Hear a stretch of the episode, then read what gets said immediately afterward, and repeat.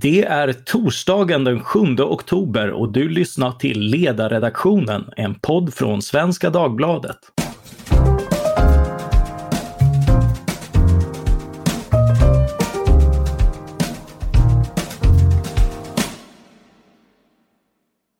Jag heter Mattias Svensson och dagens ämne är frigjorda tider.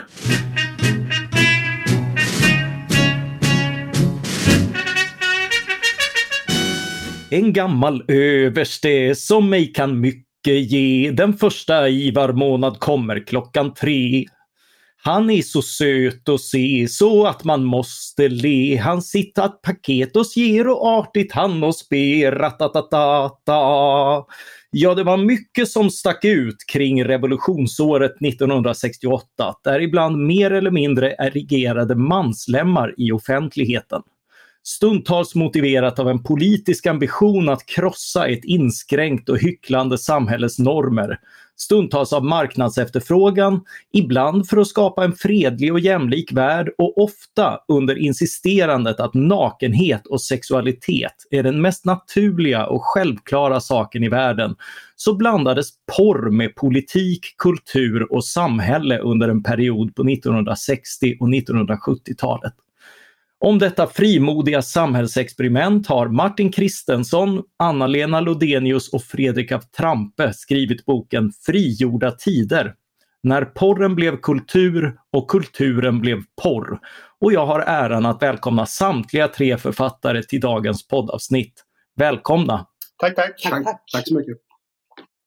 Min första fråga blir vilken tidsperiod ni egentligen skildrar. Jag tror inte att jag är ensam om att tänka att naket och frigjort, det måste betyda 70-tal. Men det drar mer åt 60-tal i er skildring. Ja, vi kan, eh, ska man vara väldigt strikt med sexliberalismen så är det en ganska kort period i historien. Om man tar Lena Lennerhed som har skrivit en doktorsavhandling om sexliberalismen som heter Frihet att njuta. Hon, hon sätter sexliberalismens epok till bara åren 1962 till 65. Eh, vår tidsperiod är ju... Eh, vi, vi, har en lite längre tidsperiod. Vi, vi, det vi skriver om tidigt 60-tal till mitten, slutet av 70-talet. Och, eh, ja, det är väl också många, alltså mycket, mycket av det som folk tänker som sexliberalismen är ju liksom också konsekvenser av grejer som hände på, på 70-talet, eller på 60-talet. 60 ja. Så att det är väl liksom därför också som, som kanske upplevelsen av vad det här var är lite skev. Och, men debatten var ju som hetast på 60-talet och då hade ju sexliberalerna framförallt kyrkan som motståndare. Det var ju fortfarande en kraft att räkna med även om de, de ifrågasattes så var det ändå en röst man lyssnade på. Och på 70-talet fortsatte ju det här med sexliberala tankar och sådär men då hade de fått en svårare motståndare i kvinnorörelsen som, som talade lite grann sexliberalernas språk. De pratade om frihet och säger till sexliberalerna liksom, ni pratar om frihet men hur är det med kvinnornas frihet och sådär. Eh, men det fortsatte ju på 70-talet. Vi, vi skriver ju om, alltså de, som etablerade författare som skrev porr. Eh, de eh, skrev ju fortfarande på 70-talet, mitten av 70-talet så medverkade många av dem i, i, i FIB-aktuellt i en bilaga som heter Blå boken. Och Stockholms porrklubbar som blandade porr med varietéinslag och sådär. Det var ju också 70-talet. Eh, och... Vi, vi, kanske ska säga också något, för att vi är ju lite olika åldrar. Vi. Förlåt, nu avbröt jag dig. Nej, kör äh, Men som vi, eh, alltså jag och Martin är ju lite äldre än Fredrik och Trampe, men vi är ju liksom inte riktigt så gamla så vi minns det här själva helt och hållet. Men, men vi minns ju definitivt 70-talet, det gör vi ju. Alltså ja. det som hände de åren. Och du är mer en sån här, eftersom du så här, eh, vad ska man säga, oförbättlig nostalgiker. Ja, du, du är liksom retrokänsla. Så att det här absolut. för dig blir väl det att du utforskar en period som egentligen ligger före din tid. Ja, det kan man väl säga. Men vi har ju ändå, apropå våra egna bakgrunder här, du har ett ganska roligt anslag till boken med din gamla barndomskompis Martin och Sala Allehanda. Ja, det, det, var ju, om man tar 70-talet eh, så det var ju en period när kultur och porrbranschen började gå skilda vägar till skillnad från 60-talet. Och Eh, Eh, ja, vi inleder ju boken med en, ett minne som jag har av en kompis till mig som, som var praktikant på en, på en liten småstadstidning och, och som fotograf och skickades iväg för att intervjua Lena som senare blev känd i Fäbodjäntan. Och, eh, hon eh, fotograferar henne och blir in, hon blev intervjuad i, i lokaltidningen. Han är alltså 15 år. Han är 15 år gammal då när, när han får göra det här uppdraget. Och, eh, men då, då visas då en porrfilm på den lokala biografen. Samtidigt pågår det liksom kampanjer i stan. Eh, Folket i Bild Kulturfront eh, eh, bekämpar pornografin och, och eh, att eh, tobaksaffärerna inte ska få skylta med porr och sådär. Så, så det, det, antiporrkampanjerna är ju väldigt framgångsrika på 70-talet och, och eh, redan 73 så kommer ju Susanne Osten och Margareta Garpe med sin teaterföreställning Kärleksföreställningen. Eh, och när den trycks så skriver de i förordet just att på 60-talet hade kvinnorna hållit tyst eh, under sexliberalismens höjdpunkt då, för att de var rädda för att bli anklagade för, för att vara pryda nuckor och sexfientliga nuckor. Men att de, de eh, på 70-talet började de höja sina röster då. Men om man tar den här perioden, vad, vad är det som utmärker den? Alltså egentligen, det här är ju ett långt projekt. Vi har hållit på i sju år eller något. Mm. Och det börjar med en artikel som Martin skrev för tidningen Neo. Och redan där formulerade du egentligen liksom tre, måste säga, eh, tre ja, punkter. Som, ja, som punkter som, jag, som jag uppfattade i alla fall att så, eh, kännetecknar den här perioden. Det är ju att eh, porren eh, fungerar i vilk, man kan blanda den med vilken konstnärlig genre som helst. Man kan ha den i musikaler och pjäser och eh, svensktoppsånger. Eh, man kan blanda det med vilken eh, genre som helst. Och sen att eh, man ansåg att porren var, eh, man, porren var ett utmärkt medel att använda för att diskutera politik, filosofi, religion och så vidare. Även seriösa frågor? Ja, även seriösa frågor. Och, eh, att, och att porren var ett sätt att skapa en bättre värld, det vill säga en sexuell frigörelse. Och det är en inställning som är ganska unik för den här perioden. Ja, ja allt, allt det här tillsammantaget tycker jag gör den här perioden väldigt unik. Ja, det får man ju ändå säga. Jag eh, tänker att ni, den utveckling ni skildrar illustrerar två saker med frihet och särskilt nyvunnen sådan. Att det blir aldrig riktigt som man tänkt sig och saker tenderar att gå till överdrift. Håller ni med om den beskrivningen? Ja, absolut skulle jag säga. Eh, ett bra exempel är ju eh, Lars Ullerstams debattbok De erotiska minoriteterna som kom 1964. Eh, den bygger på en väldigt sympatisk tanke att alla har allas rätt till sin sexualitet. Eh, men han går ju i, i, sin entusiasm så går han ju så långt så att man liksom värjer sig lite grann när man läser, eller mycket värjer sig när man läser boken. Han pratar ju om hur, hur bra det kan vara med sexuella lekar mellan föräldrar och barn. Och han har en otroligt naiv syn på pedofiler som han, som han beskriver som saktmodiga och fridsamma människor. Och han vill, han vill inte legalisera pedofili, men han vill sänka straffen för, för pedofiler och sådär. Och, eh, eh, och eh, man kan väl också säga att Ullerstam och många av hans meningsfränder på den här tiden, de går ju från en väldigt sympatisk önskan om att alla ska ha ett bra sexliv till att staten har ett ansvar för att alla ska ha ett bra sexliv. Eh, Eh, han pratar om införande av statliga bordeller med, med speciella erotiska samariter som ska hjälpa. det finns många exempel just på överdrifter som, som, som, man, när man, som man har i den här enorma entusiasmen eh, Men också att det, det, här är också en väldigt liksom normal åsikt. Det har, det har jag förbluffats över. Det här att man kan tänka, okej okay, statliga bordeller, det var en del politiskt aktiva som tyckte det var spännande och viktigt. Men vi hittar ju, när vi bläddrar i gamla FIB Aktuellt och sånt där, så liksom Lindfors och Lasse Lönndahl och, och liksom Liksom... Rubriken Lasse Lönndahl kolon, vi borde ha bordeller. Ja, det hade man inte väntat sig. Nej, det har ju hänt några gånger att vi har studsat till lite när vi har suttit med, med de här tidningarna och klippen, det kan jag säga. Och sen också den här, eh, eh som jag tycker, eh, som, eh, eh, synen på, på unga eller barn och sex. Så här att, eh, Gröna Lund hade en sexvarieté, bara det är ju omöjligt att tänka sig idag, som heter Pigalle. Och de, de annonserade med att de hade Europas yngsta strippa som enligt uppgift bara var 15 år. Ja. och det var eh, liksom det var ju en sån där sak som bara liksom, jag, jag har inte sett att det förekom någon debatt om det egentligen. Och, Och vi har ju skrivit om den här fotbollsklubben i Malmö. Ja, det var, jag, alltså jag höll ju på lite med det här med hur man sponsrar idrott vid den här tiden. För de hade ju alltså nakentävlingar, det här är 1971. Där de alltså skickar runt en massa tjejer som klär av sig och så får ofta ganska unga pojkar är det ju då, som röstar vem som är snyggast. Och de får ju då enligt lagen bara visa sig helt nakna när de står blickstilla några sekunder. Så posering. Ja, precis. Då tar de bort vilket nummer de har ett par sekunder och sen får man rösta på det här. Och det här var något som man skulle finansiera då, framförallt handboll och bandy skulle finansieras på det här sättet eh, under en period. Men så hade, det var, fanns också en handbollsklubb nere i Malmö som hade alltså livesex. Så löste man medlemskap i den här klubben så fick man alltså gå och titta på en, en porr, liksom, ja, med liveakter några gånger i veckan. Medlemsantalet steg kraftigt efter det initiativet. Ja, och också reaktionerna på det. Man, man tittar även att DN och stora tidningar skriver att det, han, var liksom, han är den hårdast arbetande passiva medlemmen i en idrottsklubb. Och, alltså den här typen av, liksom att det här är kul och lite skojsamt och sådär.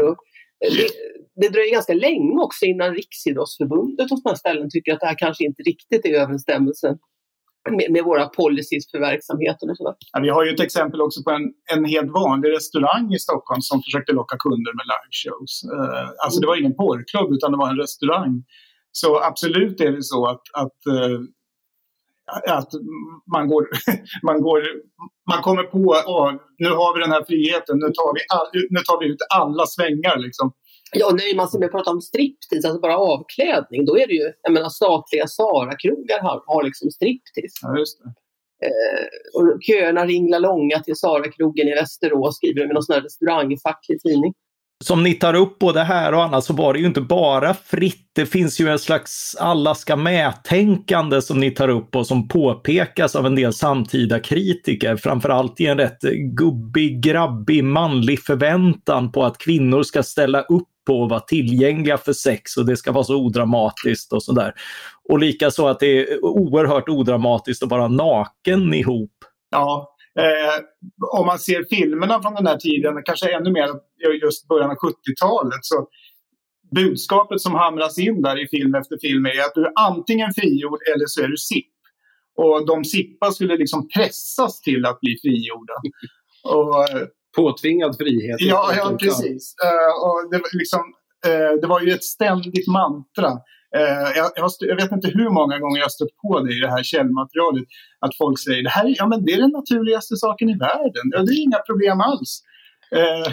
Men sen finns det också, alltså det är också så typiskt för den här tiden som vi skriver det här, att det finns ju någon slags mer eller mindre seriöst budskap Eh, ibland använder man det också som ett alibi. Man liksom gör en film med väldigt mycket naket som man på något sätt låtsas som att den tar parti för samhällets svaga, utsatta unga flickor som har råkat illa ut i livet och sådär.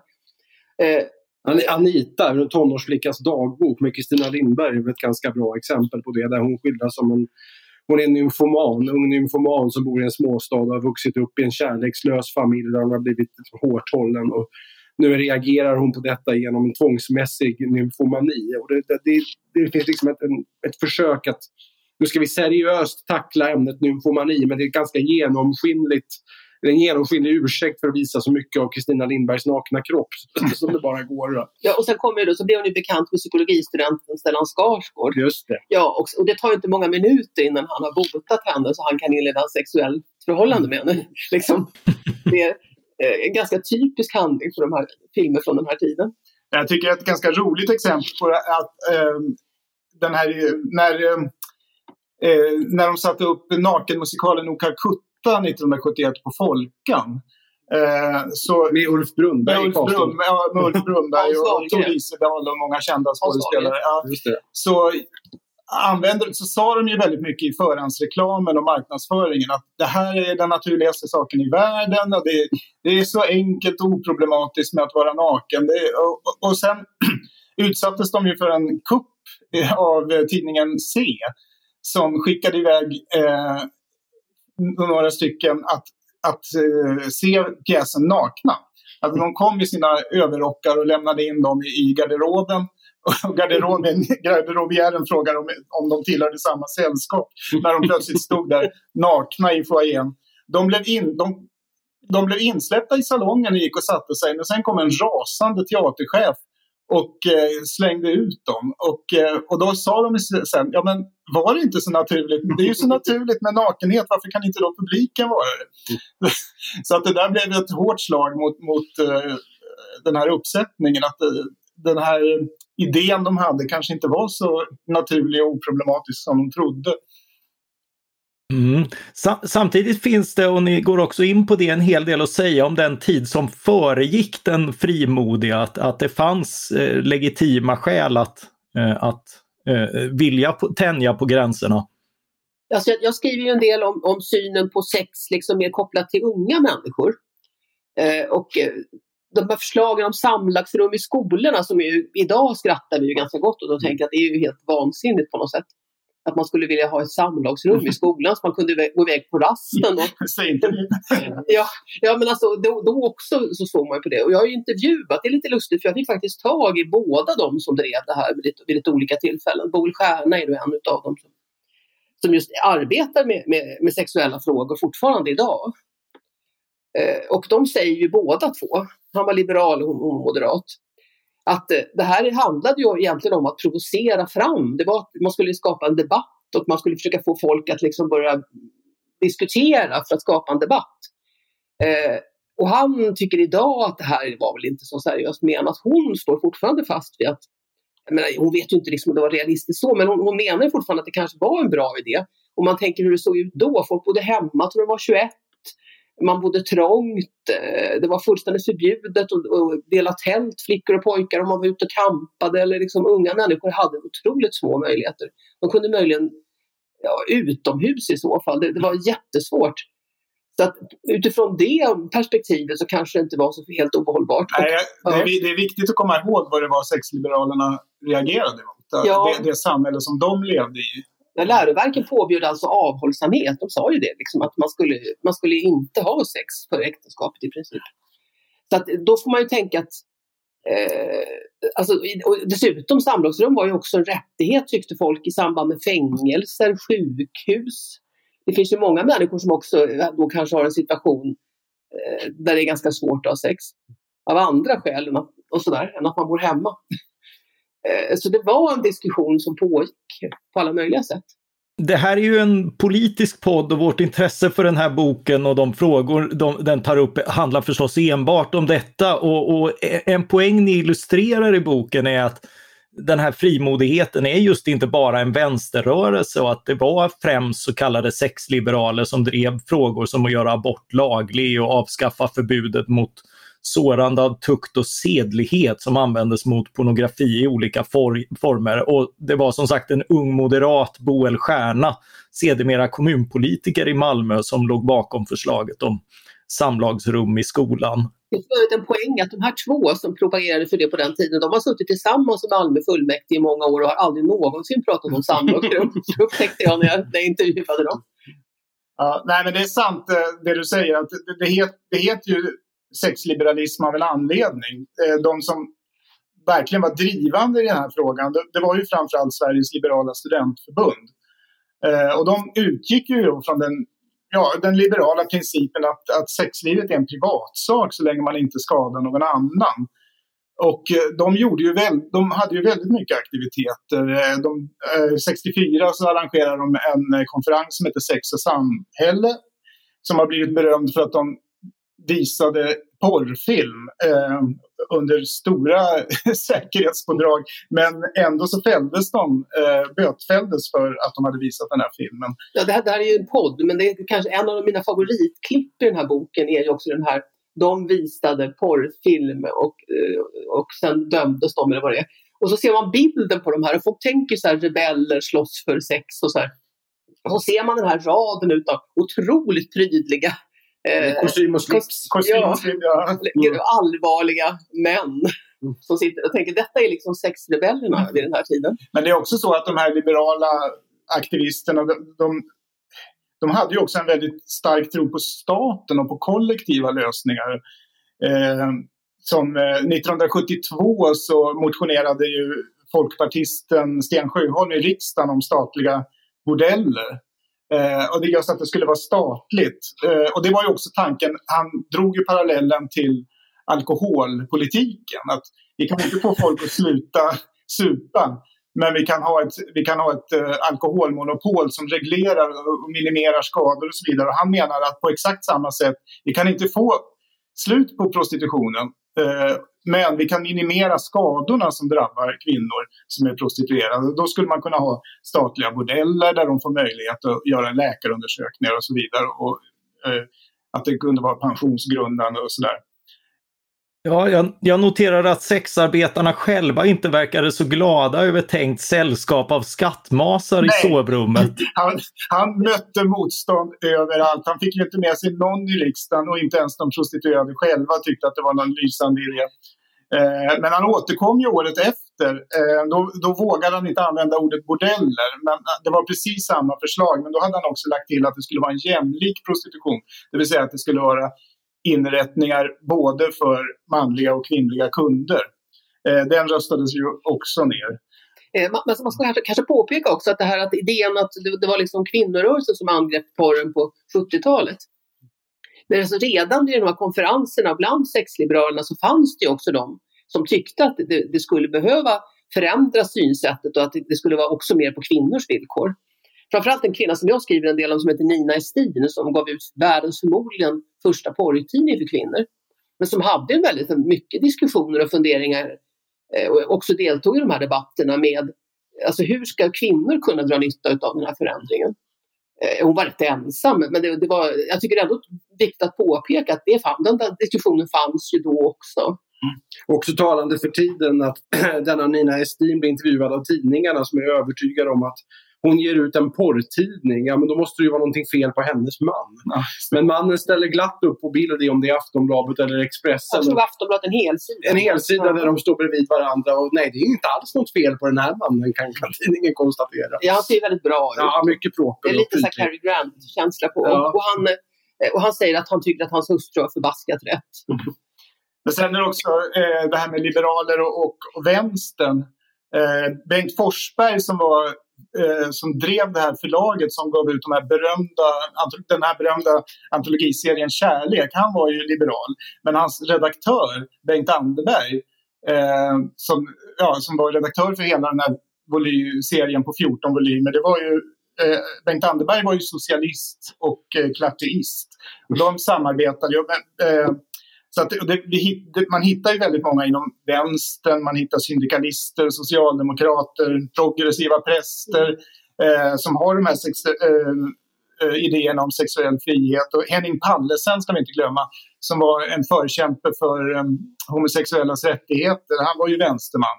Men han arbetade också för tidens stora porrkung Kurt Håsson. Han hade inga han hade inga betänkligheter att jobba för den kommersiella porrbranschen. Nej, och han var ju den som var handfast. De här eh, porrböckerna som Håsson gav ut, de här Fickis och, och Snabbis, och snabbis mm. det var ju han som skötte dem. Vi har ju pratat med folk, Kjell Genberg, författaren till exempel, som, som skrev rätt många sådana där. Och det var ju han, det var ju Pallesen som var den som hade hand om hela den där utgivningen. Under en period i alla fall. Sen eh, när 1975 när, när sexliberaler, många sexliberaler kan man ju säga bytte sida. Hans Nestius blev ju vem var Hans Nestius? Eh, Hans Nestius var ju sexliberal på 60-talet men han omprövade ju många av sina idéer på 70-talet och, och eh, blev RFSU-ordförande och eh, började ja, arbeta mot porrbranschen.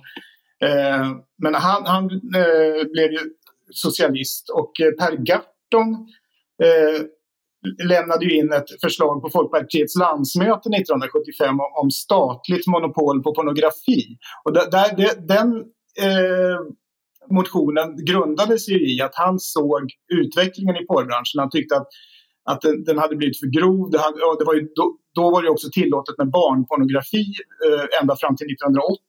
Det var ju det från, från 1971 och lagen om sårande av tukt och sedlighet försvann fram till 1980 ja. så är det ju alltså tillåtet. Ja, så att hans idé om statligt monopol på pornografi den grundar sig lite grann i samma idé som Sten Sjöholm då. Att precis som med, med eh, alkoholpolitiken så ska vi minimera skadorna och därför måste vi reglera pornografin och det kan bara staten göra. Så tänkte liberaler på den tiden. Men alltså, ska, ska man säga någonting om vänstern också så tror jag liksom att det, man tänker ändå att det fanns ju någon slags vänster. Jag menar, man tänker Carl Johan De Geer, eh, Marie-Louise De Geer hette hon på den tiden. Och, och runt Puss, tidningen Puss. Och där finns det ju också ganska fri, alltså fri syn på att eh, visa bilder från sängkammaren och liksom visa kroppar, erigerade penisar och sånt också. Det, det förekommer ju i de här tidningarna. Men det, skillnaden är ju att det i väldigt hög grad handlar om en, liksom en protest mer. Att man använder det som ett attribut på en politisk ledare som man vill häckla till exempel. Då, kanske. Eller, eh, det finns liksom en eh, det finns liksom ett budskap i det på ett annat sätt. Så det, det är en del av ett konstnärligt projekt och det är ju jättetydligt tycker jag med Marie-Louise De Geer, Ekman, Bergenstråle, allt vad hon har hetat. Att I hennes konstnärliga karriär så har ju på något sätt det har alltid funnits väldigt mycket naket, mycket kroppar och kroppvätskor och sådär. Eh, men egentligen utslutande som någon slags del av hennes estetik och hennes bildvärld. Liksom, mer. Sen Carl-Johan De Geer var ju med i eh, eh, ungdomstidningen Hej när de skulle visa manliga, manligt utvik. Då hade de samlat några kända män som ställde upp nakna. Och de andra männen som ställde upp, de hade den här idén om att ja, det är så naturligt och det, det är bra att vi kan bidra till det här genom visa upp oss utan kläder. Men Carl-Johan De Geer han, hade ju samma, han tänkte ju också det här, är inget, det här är helt oproblematiskt för mig. Men han menade, han säger i intervjun i, samma tidning då att det kan inte bli någon riktig sexuell frigörelse förrän vi har ett socialistiskt samhälle. För, att det är, för honom så, så är det inte eh, det räcker inte med att lika ut sig i en tidning eller sådär utan vi måste ändra på samhället för att eh, eh så där har vi skillnaden. Eh, sex, de liberala Eh, de här på Liberala studentförbundet, de hade ju inga problem med att eh, samarbeta med Håsson. Han föreläste ju på deras möten och han fick annonsera i deras tidningar. Medan eh, sådana som Carl-Johan De Geer då mera såg framför sig en sexuell frigörelse i ett annat samhälle, ett framtida socialistiskt samhälle. Sen är det väl också så att liksom med 70-talet kom ju också en slags dogmatism i all politik som, som blir liksom ganska typiskt för den här bokstavsvänstern och det här som och då ser man ju också hur, hur Marie-Louise De Geer kan vi kalla henne för fortfarande då. Mm. Eller hon var en Bergenstråle på 70-talet. Mm. Men då, det är Bergenstråle Just det, men, ja. men sak samma. Men, men, det man ser med henne är också att hon gestaltar ju liksom också sexualitet och kroppen i relation till en väldigt så privata känslor. Det här att, att en kvinna avbildar till exempel kvinnor då som, som eh, känner sig, hon känner sig ensam och hon vill bli eh, liksom Alltså hon vill liksom ha, ha någonting ur, ur det här och hon visar det väldigt öppet på olika sätt.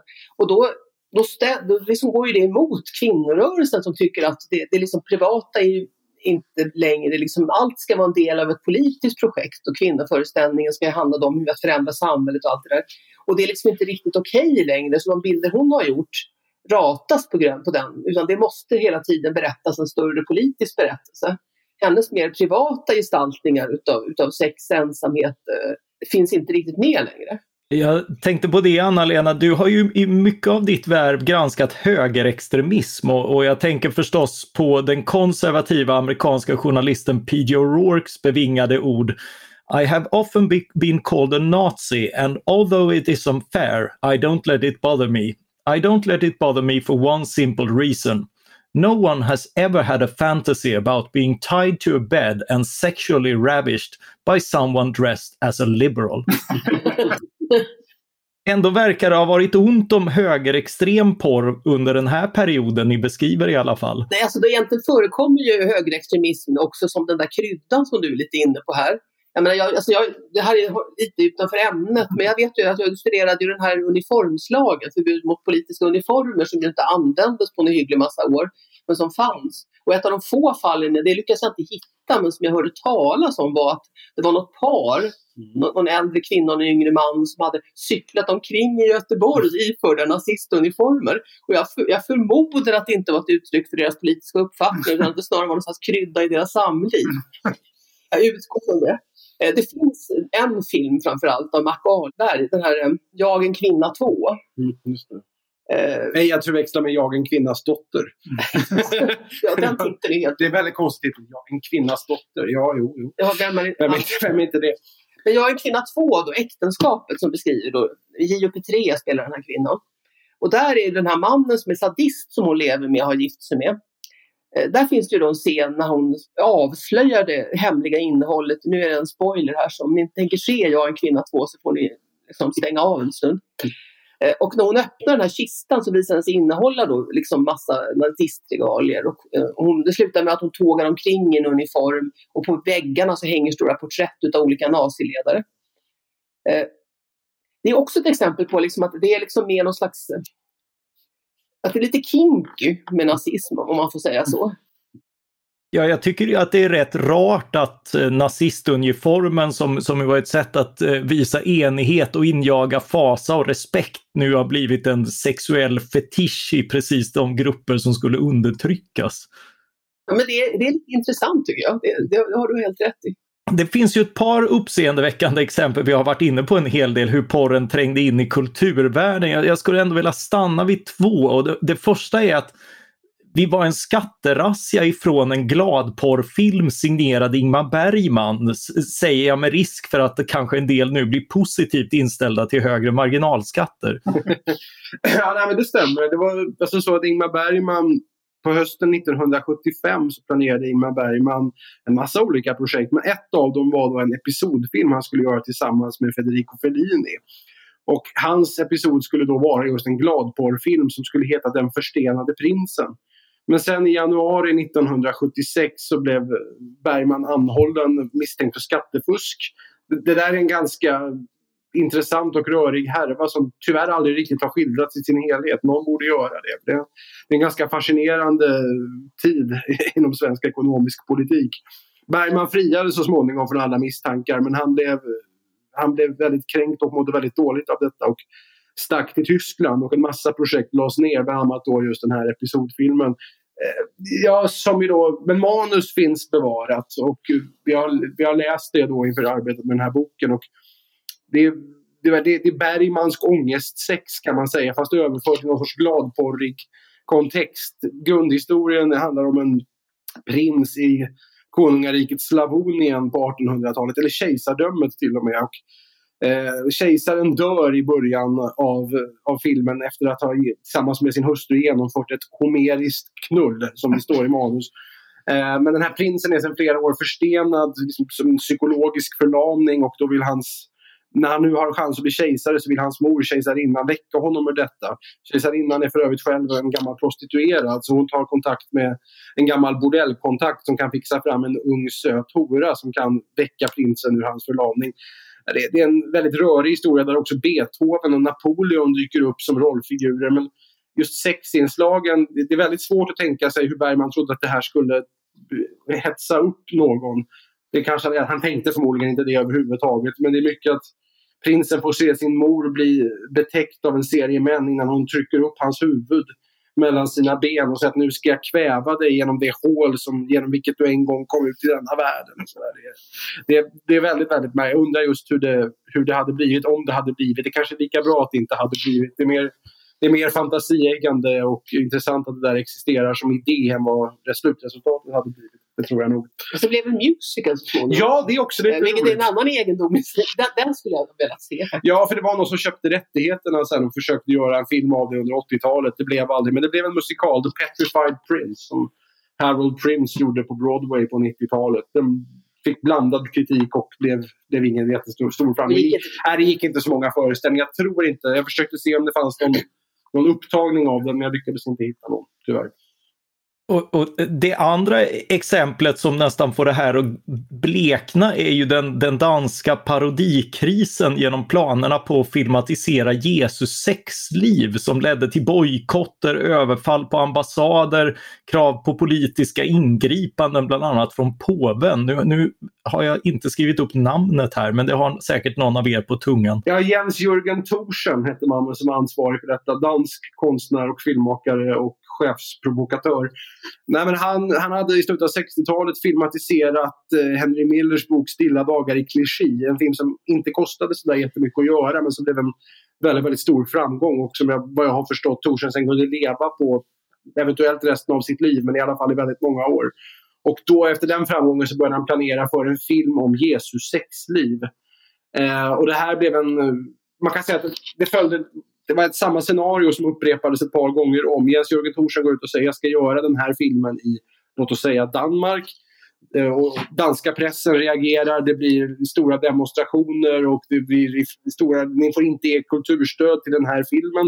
Varpå Jens Jörgen Thorsen går ut med och säger att Jesus ska delta i en bordellorgie i det här. Och, Jaha, har påven fördömt min film? Ja, men han, då kan ju han få vara med i filmen och spela Judas. Då kanske han blir lite mer välvilligt inställd till filmen. Och så blir det ingenting. Och sen upprepas samma scenario fast i Sverige, England, Frankrike. Det höll på i en sju, åtta år fram och tillbaka. Och han hade väl Jörn Donner till exempel supportade Jörn Donner supportade honom i Sverige, absolut. Och ville, tyckte att det här kan bli en för, förbannat bra film. Jörn, Jörn Donner var ju inte alldeles ointresserad av, av provokationer. Precis. Eh, det blev aldrig någon film då, men vi har kartlagt i boken alla turerna kring det här som är ganska fascinerande. Han gjorde ju symptomatiskt, sen var det på 90-talet, ja. blev det en film om Jesus, men då av honom. Eh, men då inte om Jesus sexliv utan han framställde Jesus som terrorist. Just det. Jag har tyvärr inte sett den filmen. Det, finns, det finns några scener finns det på nätet. Ja, det gör det. Och det var, det var även grundtanken i hans ursprungshistoria att det skulle vara någon sorts korsklippning mellan, en, mellan Jesu liv och en modern terrorist som heter Pierrot. Eh, och det är också så där, man läser manus och undrar vad hade det här blivit? där hade det här kunnat gå att göra som film. Det är svårt att tro. Så det... Men det var också, det var inte bara det om Jesus sexliv, utan det var ju en, tänkt som en politisk film. Den skulle ju handla om fattiga och rika länder och uppror och, och så vidare. Så det var ju den, även här var den här eh, sammanblandningen av politik och sex. Den moderna Jesus skulle dels ha sex men dels också råna banker och skänka pengarna till tredje världen. Ja. Det, det låter som, en, eh, som Jan Guillou hade kunnat bli inblandad i det där. Jan Guillou har eh, skrivit en porrnovell, vet jag, någon gång till någon av, om det var Piff eller Paff eller något, någonting med någon dvärg på något hotellrum. Eh, ja, parentes i sammanhanget. Ja, e, e, en, en, ännu en fascinerande sak är censuren eh, som ju då var för tukt och sedlighet fram till 1971 och hur den ledde till att regeringens ledamöter och framförallt en hårt prövad justitieminister får läsa och titta på betydande mängder porr, vilket ni skildrar en del. Ja, det var ju dåvarande justitieministern Herman Kling eh, som, eh, som var minister mellan 59 och 69. Han, han eh, tyckte ju inte hans uppgift. Han fick ju läsa de här eh, kärleksantologierna eh, och eh, var ju inte så förtjust i den uppgiften. Eh, han lät ju regeringen, och han var också osäker på hur han skulle bedöma de här litterära verken. Då, så att han lät ju hela regeringen läsa. Eh, och bad dem att snälla kan ni inte tillsätta en pornografiminister? Eh, så, att, så att jag slipper. Och, och Uh, Ulla Lindström som satt i regeringen då, hon har ju skildrat i sina memoarer hur, hur det här mötet gick till med regeringen. Den där uh, första volymen av Kärlek kom ut. Där har ju Nine Kristine Jönsson en uh, novell som skildrar en våldtäkt och Ulla Lindström beskriver hur Erlander då sammanfattar sin upplevelse av läsningen. Att, att det, Ja, det är våldtäkterna som är otrevliga. Jag är i princip emot våldtäkt. Var skönt att höra. Ja, det är skönt att höra Erlander. Statsministern. Det, det, statsministern är emot våldtäkt. Uh, så att, men de, var, de beskriver sig då som inte moraliskt upprörda egentligen, ja, utom det här med våldtäkterna kanske, men att de egentligen var uttråkade. Men det är, det är någonting som jag tycker går igen överallt när folk som inte gillar porr ska, ska prata om porr, att de vill inte framstå som att de är moraliskt upprörda, men de vill heller inte försvara porren. Och då, då finns det bara det här att säga, ja men det är tråkigt. Jag, jag satt och gäspade käken ur led och sånt där, som man säger då, liksom för att visa hur, hur, ja, hur likgiltig man är mot det här. Och... Det förekommer även hos Sjöwall Wahlöö, i den sista av deras böcker så är det finns en bihandling med ett mordoffer som är en fruktansvärt hemsk porrproducent och det finns en lång utdragen scen när Martin Beck och hans kollega tvingas titta igenom en massa av de här filmerna. Ja, och Per Wahlöö har ju inte ord nog för att understryka hur uttråkade Martin Beck och hans kollega ja. blir. Fruktansvärt tråkigt. Och det är viktigt att säga det. Ja, det är viktigt att säga. Att man är tråkig. Den här lagen som vi hade då, sårande av tukt och sedlighet, den avskaffades ju 71. Vi var det andra landet i världen. Eh, som Danmark. ja, Danmark var före oss. Eh, den var ju uppfattades ju som så godtycklig att det inte fanns någon likhet inför lagen. För vad som kunde fällas i en stad kunde frikännas i en annan och ingen visste riktigt vad som gällde. För Leif Silbersky försvarade en eh, porr, ett porrförlag som hette Assman Productions.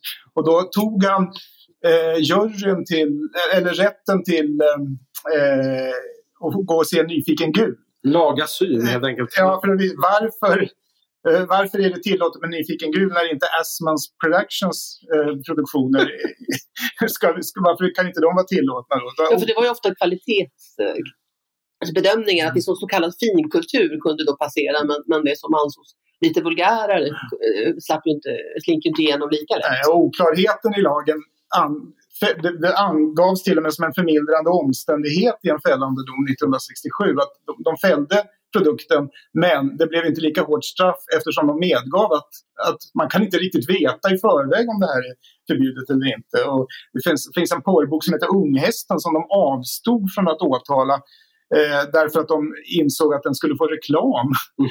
om de åtalade den. Eh, men eh, ja, Ja, för det, det, var ju liksom ett köpargument. Men alla, alla de... Köp boken innan den blir beslagtagen. ja, just det. Köp boken innan den blir beslagtagen stod det i annonserna då. Mm. Så eh, vad står vi numera eh, om vi ska gå in på en avslutning? Det, finns, det här ämnet är ju oändligt. Eh, en del förändringar blev ju självklarheter och andra ses idag som mycket främmande. finns det någon sensmoral bland omoralen? Det är inte helt ovanligt när det gäller revolutioner. Nej. Vissa saker blir, blir standard och vissa saker verkar helt jättekonstiga. Ja. man får liksom, jag tror man måste acceptera att det är ju så att när vi ska byta ny mark och det ska hända saker så, så testas det och sen så blir en del saker kommer att bli bestående och annat ska man kanske vara tacksam för inte blev det. Eh, därför att man inser på något sätt komplikationerna lite längs vägen och det, det, det, tror jag inte gäller bara för det här området utan det är nog ganska ofta så. Ja, vi, har, vi har ju talat mycket om vansinnigheter och överdrifter och sådär men, men, man ska komma ihåg att sexliberalerna bidrog till en öppnare syn på, på sex helt enkelt. Ja, mycket som vi eh, ser som självklart idag, som du säger, liksom är, är ju mycket tack vare vad de gjorde. Och de kämpade för rättigheter för homosexuella. Vi nämnde den här Henning Pallesen. Och, och eh, den här konferensen som vi pratade om, Sex och samhälle, som de hade 64, den hade ju eh, där en programpunkt där de diskuterade de homosexuella situationer. De hade en programpunkt om, om eh, abortlagstiftningen. Och, eh, Hans Nestius arbete för en liberalare abortlagstiftning eh, där, han blev utsatt för razzia från polisen, det, ledde ju fram till eh, den eh, abortlagstiftning vi har idag.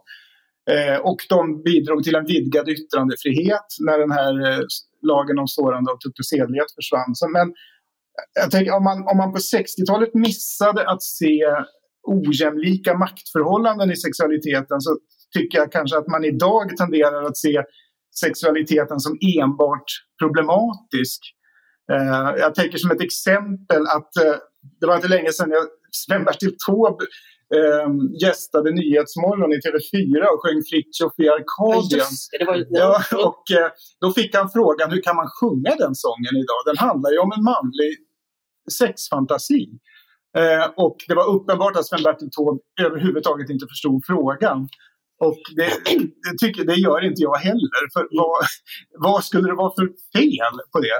Eh, en sång som handlar om en manlig sexfantasi. Eh, men vi ser det väldigt mycket snabbt nu som problematiskt.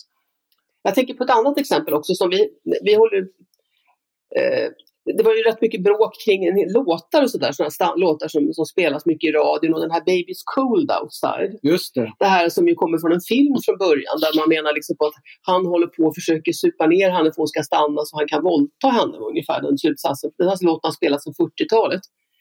Som en standard, spelats in av många artister. Men vad, man, vad vi egentligen hör är ju liksom två stycken som väldigt gärna skulle vilja stanna med varandra och ha sex men det liksom, finns lite konventioner kring det hela som gör att man får lov att försöka hålla på och tramsa lite innan man kan öppet erkänna det för varandra. Det är ju egentligen det låten handlar om. Eh, och då tänker man att är det liksom ett, en situation som är ovanlig? Nej. Men idag det, tolkas det som date rape, hela den texten. Ja, liksom. för det finns inget annat sätt att se det. Nej, man ser det problematiskt direkt. Liksom. Men då var det ingen ovanlig situation, det du beskriver. Nej, därför att det fanns fortfarande normer och regler. Men också några år senare så var det ju också så förstås. Jag menar, människor raggar på varandra och försöker att närma sig varandra i akt och mening att inleda något slags förhållande eh, som inkluderar sex. Och jag menar, det är väl ganska naturligt och vanligt, men idag är det ofta problematiserat och det är lite konstigt idag att det är på det viset. Ja, jag, jag tänker att om, om, man då erkänner att vilka missar man gjorde på 60-talet och sådär så tycker jag ändå att vi ska påminna oss om, om teaterchefen Olle Kinks ord i programbladet till O Calcutta där han hade rubriken Sex är kul, sex är skönt. I ett programblad. Vilka fina slutord för en podd eh, också i detta långt gångna 2000-tal. Då ber jag att få tacka er Martin Kristensson, Anna-Lena Lodenius och Fredrik af Trampe som skrivit boken Frigjorda tider. Tack för att ni medverkade. Tack, Tack så mycket. Tack. Tack också till alla er som har lyssnat på ledarredaktionen. Var det skönt för er också? Vill ni att vi klarar av någon annan del av samhällskroppen? Maila i så fall till ledarsidan svd.se. Jag vill också passa på att tipsa om våra grannpoddar här på Svenska Dagbladet. Dagens Story penetrerar varje dag ett aktuellt ämne och är klara på 15 minuter. Vill du dra ut på nöjet finns Politiken som varje onsdag ger en osensurerad inblick i vem som tar vem i maktens korridorer. Producent för det här avsnittet var Jesper Sandström. Jag heter Mattias Svensson och jag hoppas att vi snart hörs igen. Tack för den här gången.